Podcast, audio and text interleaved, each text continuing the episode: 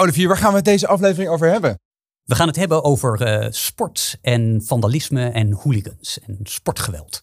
Laten we beginnen. Op het moment dat mensen heel fanatiek ergens over worden, dan gaan ze ruzie met elkaar maken. Allerlei gebouwen in brand gestoken. Dat een aantal van die supporters geëxecuteerd ging worden. Echt boos op de. Ja, hoe kan jij ons, ons ja, eerste levensbehoefte onthouden? Enorme rellen. Die mensenmassa die probeert politieke keuzes te bewerkstelligen.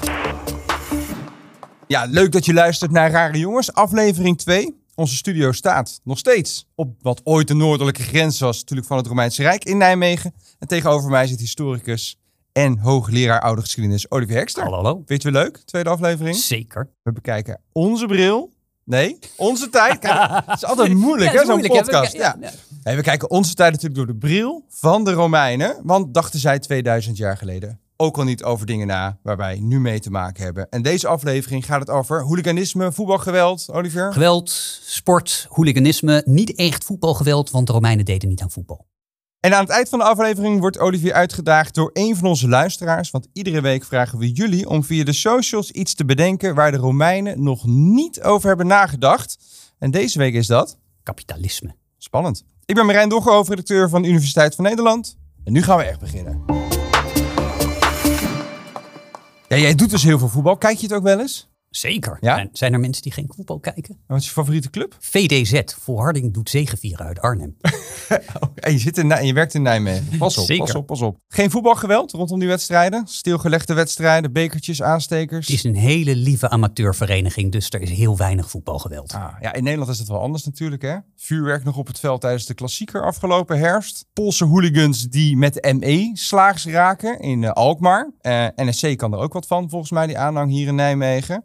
En die Romeinen, hoe gingen die om met sport? Ook zo gewelddadig? Romeinen hadden heel veel met sport en hadden ook heel veel geweld. En soms werd dat ook nog gecombineerd. Ze hadden, zoals gezegd, weinig met voetbal. De, de, hetgene wat het dichtst bij komt is een sport harpastoem. Een soort mengvorm tussen, tussen rugby en handbal. Maar we weten verder niet precies hoe dat ging. Maar dat lijkt minder populair geweest te zijn. Populaire sporten in de Romeinse tijd heb je het over de, de beroemde gladiatorengevechten, de wagenrennen en wat ook ontzettend populair was, dus minder een sport, maar een beetje een sport, was uh, pantomime en theater. Cirque du Soleil-achtig, uh, acrobatiek. Maar dat waren echt hele populaire sporten waar grote groepen naartoe kwamen. En als hele grote uh, groepen bij elkaar komen en daar heel enthousiast over dingen worden, dan komt er best wel vaak geweld bij. En dat was bij de Romeinen ook zo. Wagenrennen, zullen we daarmee beginnen? Wagenrennen het grote tijdverdrijf. En dan konden er ook 50, 80.000 mensen, 200.000 mensen misschien wel in het Circus Maximus in Rome tegelijkertijd naar zulke wagenrennen komen kijken. Oké, want even het wagenrennen was dus gewoon een circuit eigenlijk? Ja. In, midden in de stad? de, de wagenrennen waren redelijk centraal. Dat is, is, op zich ook interessant, want nou, we gaan het straks nog over gladiatorengevechten hebben die... Uh, die amfitheaters die lagen voor een groot deel aan de rand van de stad. Juist ook om als je hele grote groepen hebt te voorkomen dat hele grote groepen in het centrum van je, macht, van je, van je stad bij elkaar komen. De circussen die lagen best wel centraal. Hier een hele andere reden heeft ook mee te maken dat die circussen vaak verbonden waren aan het paleis, zodat de keizer kon laten zien dat hij grote wagenrennen voor zijn burgers gaf. En dat is dan een, een, een, gift aan je mensen. Dus dan moeten die circussen ook verbonden zijn aan het paleis. En het, het ging er gewoon om wie het snelst een bepaald aantal ronden rende. Dat, dat is zo simpel was het. Zo simpel is het. Was het een individuele sport? Want ik neem aan, bij wagenrennen ga je niet met een team zitten. Uh, bij die wagenrennen heb je de wagenmenner, die natuurlijk de grote sportheld is. Dus diegene die daar in die, uh, in die wagen staat en zijn paarden aanvoert en weet hoe die de bochten moet aansnijden. Of hoe je dat ook doet. Ik heb zelf nooit wagen gemend. Dan heb je degene die de paarden gekocht heeft en die de wagen gekocht heeft. Dus de, zeg maar het equivalent van de, de, de Formule 1 uh, eh, grote eigenaren die daar een, een rol hebben. Dat heet ook een renstal hè, bij het Formule 1. Dus, ja, nou ja, ja. Dat is heel vergelijkbaar. Ja. Uh, en dan had je ook nog, en dat is, was eigenlijk het belangrijkste in de Romeinse tijd, laten we zeggen de club waar de mensen bij hoorden. Je had vier kleuren. Groen, wit, rood en blauw, maar vooral groen en blauw waren de grote. En dat, daar was je dan fan van. Dus je was fan van de groene of je was fan van de blauwe. En jouw wagenmenner, die rende dan met zijn paarden voor de groene of voor de blauwe of voor de witte of voor de rode. Oké, maar daar komt dan het geweld vandaan. Waren dat dan rivaliserende teams of de fans van rivaliserende teams die het tegen elkaar opnamen? Nou, dat is zeker bij de wagenrennen de grootste, de, de grootste vorm van geweld. En dan uh, de, de groene en de blauwe, die waren echt bekend fanatiek tegenover elkaar. Je hebt ook een, een mooie opmerking van uh, Plinius, een auteur uit de tweede eeuw, die op een gegeven moment zegt, ja, zal ze echt allemaal worst wezen wie daar in die wagen staat. Want als, eigenlijk, gaat het alleen om dat lapje kleur. Want als dezezelfde man volgende week voor de tegenstander rijdt, dan zijn ze hartgrondig tegen hem. Dus dat echt het idee dat je voor die, die renstalkleur was. En die maakten dan dus ook ruzie met elkaar. dat is, ja, als je krijgt op het moment dat mensen heel fanatiek ergens over worden, dan gaan ze ruzie met elkaar maken. En hoe werd je dan fan van een kleur? Ik bedoel, ik, ik, ik ben fan van Ajax, maar dat komt gewoon omdat mijn vader fan was van Ajax. Werkte het dan zo bij de Romeinen ook? Van, je kreeg van je familie mee, waar je geboren was. Ik heb nu de neiging allerlei opmerkingen te maken over mensen die fan van Ajax zijn. Maar het is een beetje zielig op ja, dit moment. hè? Dat is, uh, het gaat over de Romeinen, hè, deze ja, nee, de Romeinen. Er waren, waren, ook, ook bij de Romeinen groepen die heel veel verloren. Uh, maar dat weten we niet precies. Dus we weten niet hoe je fan werd. Um, die groene en die blauwe, daarvan is heel lang gedacht dat de blauwe dat dat mensen waren die aan de bovenklasse van de samenleving zaten. Dus dat dat een duidelijke groep was en dat de groene meer de onderklasse was die verzet pleegde. Dat lijkt niet zo te zijn. Het lijkt echt de verschillende groeperingen die bij elkaar zaten. Wat we wel inmiddels lijken te weten is dat die kleuren, die groene en die blauwe en die witte en de rode, meer deden dan alleen maar fan zijn van, van sporten. Dat ze ook uh, religieuze organisaties waren. Dat ze tot op zekere hoogte ook probeerden voor de mensen die hun fan waren te zorgen en te zorgen dat die goed behandeld werden. Dus het was een wat, wat bredere organisatie dan, uh, dan voetbalclubs. En je zei net, die wagenmenner, als die nou voor groen reed of voor blauw reed, dat maakt eigenlijk niet uit. Hè? Je was voor de club. Maar waren dat dan geen sterren? Waren er niet Max Verstappers onder de wagenrenners? Dat waren enorme sterren, oh. maar uh, tenminste een aantal van die waren echt enorme sterren. En het interessante is dat we dus weten dat mensen van die sterren hielden. En bij de wagenrenners heb je, heb je er twee, uh, Diocles en Porphyrius, die echt ook heel beroemd zijn geworden. Hebben een hele hoop inscripties en standbeelden over hoe goed ze waren en hoeveel ze wonnen en hoe rijk ze werden. En Porphyrius is een van de weinige, misschien zelfs de enige, waarvan we weten dat zowel de groene als de blauwe standbeelden voor hem hebben opgericht. Dus mensen waren een hele fan, grote dan. Ja, Dus mensen waren fan van die wagenmenner, maar ze waren ook fan van de club. En ja, dat heb je natuurlijk inmiddels ook.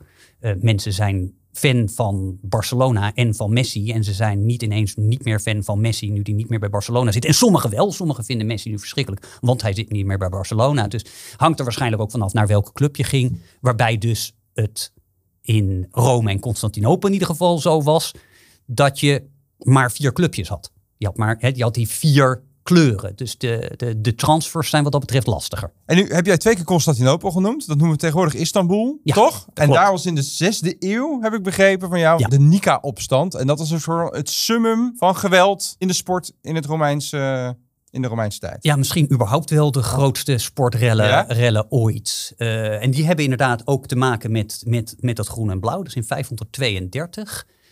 Daar hadden die groene en blauwe weer ruzie met elkaar gemaakt, zoals ze wat vaker deden. En die hadden zoveel ruzie gemaakt dat een aantal van die supporters geëxecuteerd gingen worden. Die, die zouden worden opgehangen. Want die hadden gewoon zoveel geweld. Zoveel, zoveel geweld. Straffen in de Romeinse samenleving waren een stuk heftiger dan nu. Was echt niet heel erg leuk. Uh, zo, zo heftig dat ze, dat ze opgehangen zouden worden. Nou, gaat het verhaal dat de touwen braken en zij wisten dus te ontsnappen. En ze gingen een kerk in, want in een kerk kan je natuurlijk gewoon asiel zoeken. Nou, so far so good. Behalve dat de machthebbers dat een slecht idee vonden. Die uh, probeerden die mensen toch weer terug te halen en toch uh, weer te executeren. En dat zorgde ervoor dat de groene en de blauwe samen boos werden op de machthebber, de keizer Justinianus. En ineens gingen ze samen optrekken tegen de keizer. En zeggen, ja, maar dit is dus echt, dit is niet hoe wij, eh, hoe wij willen werken. En gingen dus echt met tienduizenden mensen dwars door Constantinopel trekken. Hebben daar allerlei gebouwen in brand gestoken Uh, de Hagia Sophia is zelfs vernietigd. Tijdens ter, ter, supportersredden. Tijdens, supportersredden, de Nika-opstanden. ging zelfs zo ver dat de keizer dacht, nou ik moet aftreden. Want als al die supporters samen boos op mij zijn, dan heb ik een probleem. Volgens de teksten die we erover hebben, twijfelde die echt of hij ging aftreden, heeft zijn vrouw Theodora daar gezegd, nou ben jij helemaal gek, jij gaat wat doen. Vervolgens heeft hij tegen de uh, groen en de blauw gezegd, nee, nou we moeten toch tot een compromis komen. Komen jullie allemaal naar het theater? Nou, die kwamen naar het theater en toen heeft hij het leger erop losgelaten en er 30.000 doodgemaakt. En toen was de opstand wel neergeslagen. Uh, maar, maar, maar heftiger dan dat denk ik dat we ze niet krijgen. En hij was zelf voor de gele zeker, of niet? Kon je een kant kiezen als keizer? Je, je, kon een kant kiezen als keizer, was natuurlijk best een probleem. En dat is hetzelfde als je nu ziet dat uh, moderne politici, je, sommigen durven Ajax, uh, Feyenoord of soms zelfs PSV te zeggen. Maar, maar het, is, het is veel makkelijker om te zeggen dat je fan bent van, van Hercules, zeg ik nu tegen de Ajax supporter die tegenover mij zit. Want dat is, dat is veilig, niemand kan het je kwalijk nemen. Dus het, het is makkelijker om, om de rode of de witte, of op een gegeven moment een, een gouden, uh, te supporten want dan vervreemd je in ieder geval niet de andere groeperingen van je. Het is wel sympathiek zelfs misschien, als je de kleine club sponsort. Of sponsort, support. Ja, aan de andere kant, als je een grote club weet te supporten, dan heb je natuurlijk ook wel een hele grote groep die jou ook weer fijn vindt. Dus dat is, uh, dat is een balanceeract zoals het altijd is op het moment dat je met, uh, met sport te maken hebt als politicus. Hey, dat geweld, dat was dus ook in dit geval werd het politiek, omdat die keizer erbij betrokken wordt. Was, was het vaker politiek geweld? Ja, je hebt als je naar geweld rond sport en, en theater in de Romeinse tijd kijkt, eigenlijk twee, twee types geweld. Je hebt het geweld dat echt te maken heeft met dingen die met die sportwedstrijd samenhangen. En je hebt geweld dat politieker is en dat vooral ermee te maken heeft dat je hier een moment hebt waarin tienduizenden mensen samen zitten en samen ook iets kunnen zeggen. Dus voor die, die, eerste, die eerste groep is eigenlijk zeldzamer. Dus die uh, geweld vanwege het sport zelf, dat is, dat zeldzamer. We hebben bij de gladiatorengevechten een opstand in, en nu moet ik even de datum opzoeken, want volgens mij is het 52, maar dat weet ik niet zeker. Ja, zoek, zoek het rustig op. 59. Kijk. Straks zomaar zeven jaar mis. Eh, dus de geweld rondom sport dat echt met het sportdeel te maken heeft, zijn eigenlijk zeldzamer. Je hebt uh, gladiatorengevechten die tot rellen leiden in 59 in Pompeii, waar we van weten. En zelfs dat had er meer te maken dat in dat amfitheater van Pompeii mensen van Pompeii en een stad in de buurt bij elkaar zaten en ruzie met elkaar kregen over wie de betere gladiatoren waren. En eerst begonnen tegen elkaar te schelden en toen begonnen stenen te gooien en toen begonnen nog heftiger op elkaar in te slaan. En dat leidde tot echt enorme rellen, uh, een aantal doden. De mensen in Pompeii die wonnen, want die waren met meer, want die waren in Pompeii. Het resultaat daarvan was dat uh, Pompeii tien jaar lang geen gladiatorengevechten meer mocht houden. Maar er was ook uitsluiting van competitie en zo. Ja, niet uitsluiting van competitie, want het was niet Pompeii tegen de rest. Maar het was in die stad mocht dit gewoon niet gehouden worden. En dat is vergelijkbaar dat je zegt, ja, de supporters mogen niet komen. We schaffen het gewoon helemaal af. Want dit leidt tot zoveel onrust dat je het niet in je stad wil hebben. Terwijl het eigenlijk niks met die sport te maken had, zeg je eigenlijk. Het was, het was ruzie met elkaar rondom een sportwedstrijd. Had, had weinig met politiek of machtshebber te maken, maar heel veel mensen die bij elkaar kwamen en veel testosteron gedreven ruzie begonnen te maken omdat ze naar vechtende mannen aan het kijken waren. En uh, dit is degene die we, die we kennen en dit is een hele beroemde, is ook een heel mooi, mooi fresco echt nog van waarin je vechtende mensen in en buiten het amfitheater zit. Dat hangt nu in het museum van Napels. Dus dit was echt wel een bekende grote opstand waar ook een aantal uh, historici over geschreven heeft. Dat rondom die gladiatorengevechten vaker onrust zal ontstaan, dat, ja, dat lijkt duidelijk. En dat is misschien ook wel de reden dat die amfitheaters vaak juist aan de grens van een stad werden gebouwd. Het, het Colosseum in Rome is eigenlijk een uitzondering van een amfitheater dat in het centrum ligt. Bijna alle andere amfitheaters liggen meer aan de grenzen van de stad. Maar er was dus uh, veel sportgeweld. Maar voor mij is er een groot verschil. Kijk, bij, bij, bij dat wagenrennen had je teams. Dat ik snap dat hele grote groepen daar achter gaan staan en dan mogelijk in conflict komen met elkaar in een, nou, in een kleine geweldsuitbarsting in Constantinopel veroorzaken. Bij gladiatoren zijn individuen. Dat zie je minder vaak toch dat daar geweld wordt gepleegd. Want bij individuele sporten zien wij in onze tijd eigenlijk geen supportersrellen. Hè? Bij het schaatsen in Tialf heb ik nog nooit volgens mij iemand met elkaar op de vuist zien gaan. Ja, maar bij de Romeinen was dat dus wel zo. Ja, maar daar was het geweld, voor zover we het kennen, ook niet omdat ze clubs tegen elkaar hadden, maar omdat er grote groepen mensen bij elkaar zaten. Uh, bij de gladiatoren. Hè? Dus als grote groepen mensen fanatiek ergens bij zitten, dan kunnen ze boos worden. En dat gaat dan tot onrust leiden. En, waar werden ze dan boos op? Nou ja, in het geval dus bij die Pompeii-rellen, waar we het net over hadden, omdat mensen van een andere stad erbij zaten en ze ruzie hadden. Ze kunnen ook boos worden omdat iets niet doorgaat. Dus een, een, een massaspektakel in de Romeinse tijd is pantomime. Daar gingen mensen in grote hoeveelheden naar dat theater toe. En keizer Tiberius, dus dan zitten we heel, heel vroeg in de eerste eeuw. Eerste keizer Augustus, tweede keizer Tiberius. Die hield blijkbaar minder van pantomime. En die ging dan de, uh, de hoeveelheid geld die die meme-spelers kregen naar beneden brengen.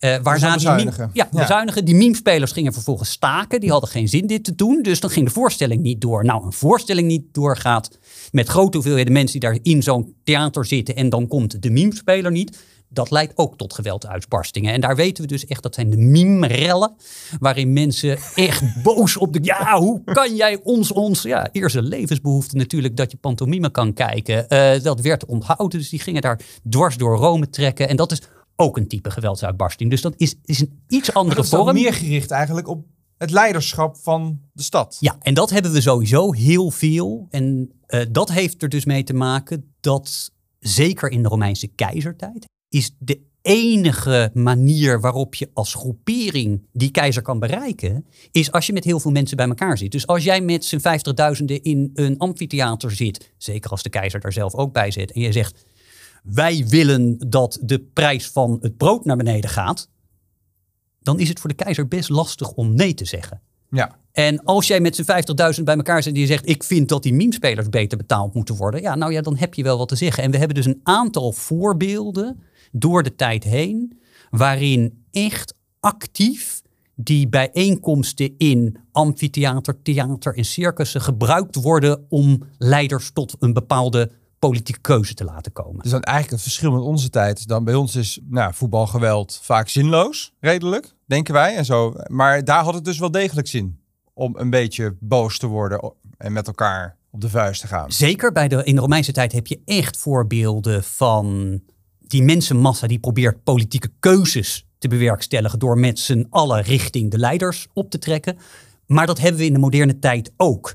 Uh, als je kijkt naar de, de Arabische lente, dan weten we dat daar de supporters van Al-Ali en Zamalek echt actief bezig zijn geweest om hun maatregelen door te voeren. Dus je, je ziet in alle militaire dictaturen zeker dat sport een van de weinige plaatsen is waar je probleemloos hele grote mensenmassa's bij elkaar kan krijgen. En als je hele grote mensenmassa's bij elkaar krijgt en die laat je samen wat doen, dan heb je als machtshebber een probleem. We zijn dus in de, in de afgelopen 2000 jaar een beetje de reden voor sportgeweld een beetje kwijtgeraakt. Dat is een beetje de conclusie, toch? Of wij wonen niet in een militaire dictatuur en hebben deze grote groeperingen niet nodig. Vind ik, vind ik een fijnere conclusie.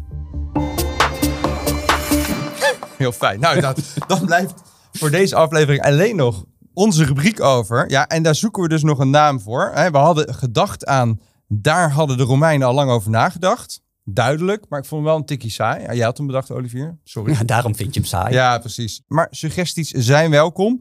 Maar waar het op neerkomt is, wij gaan luisteraars van deze podcast uitdagen om Olivier uit te dagen om met iets te komen waar de Romeinen nog niet over hadden nagedacht.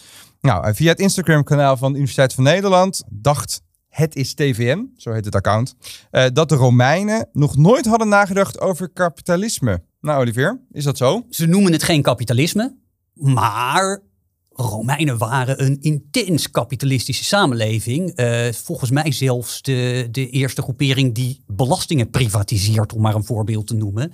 Rome breidt in die tweede eeuw uh, voor Christus zich uit. Dan krijgen ze nieuwe gebieden. Nou, hoe ga je zorgen dat je dat geld wat je geïnvesteerd hebt om die gebieden te veroveren terugverdient? Nou, dat doe je met belastingen.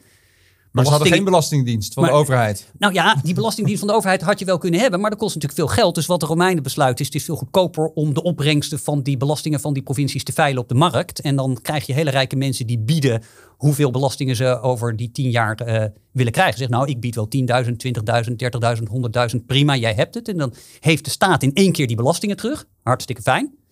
Die mensen zorgen echt wel dat ze in de loop van tien jaar dat geld terugverdienen. Zelfs als er een slechte oogst is, zij krijgen dat geld wel terug.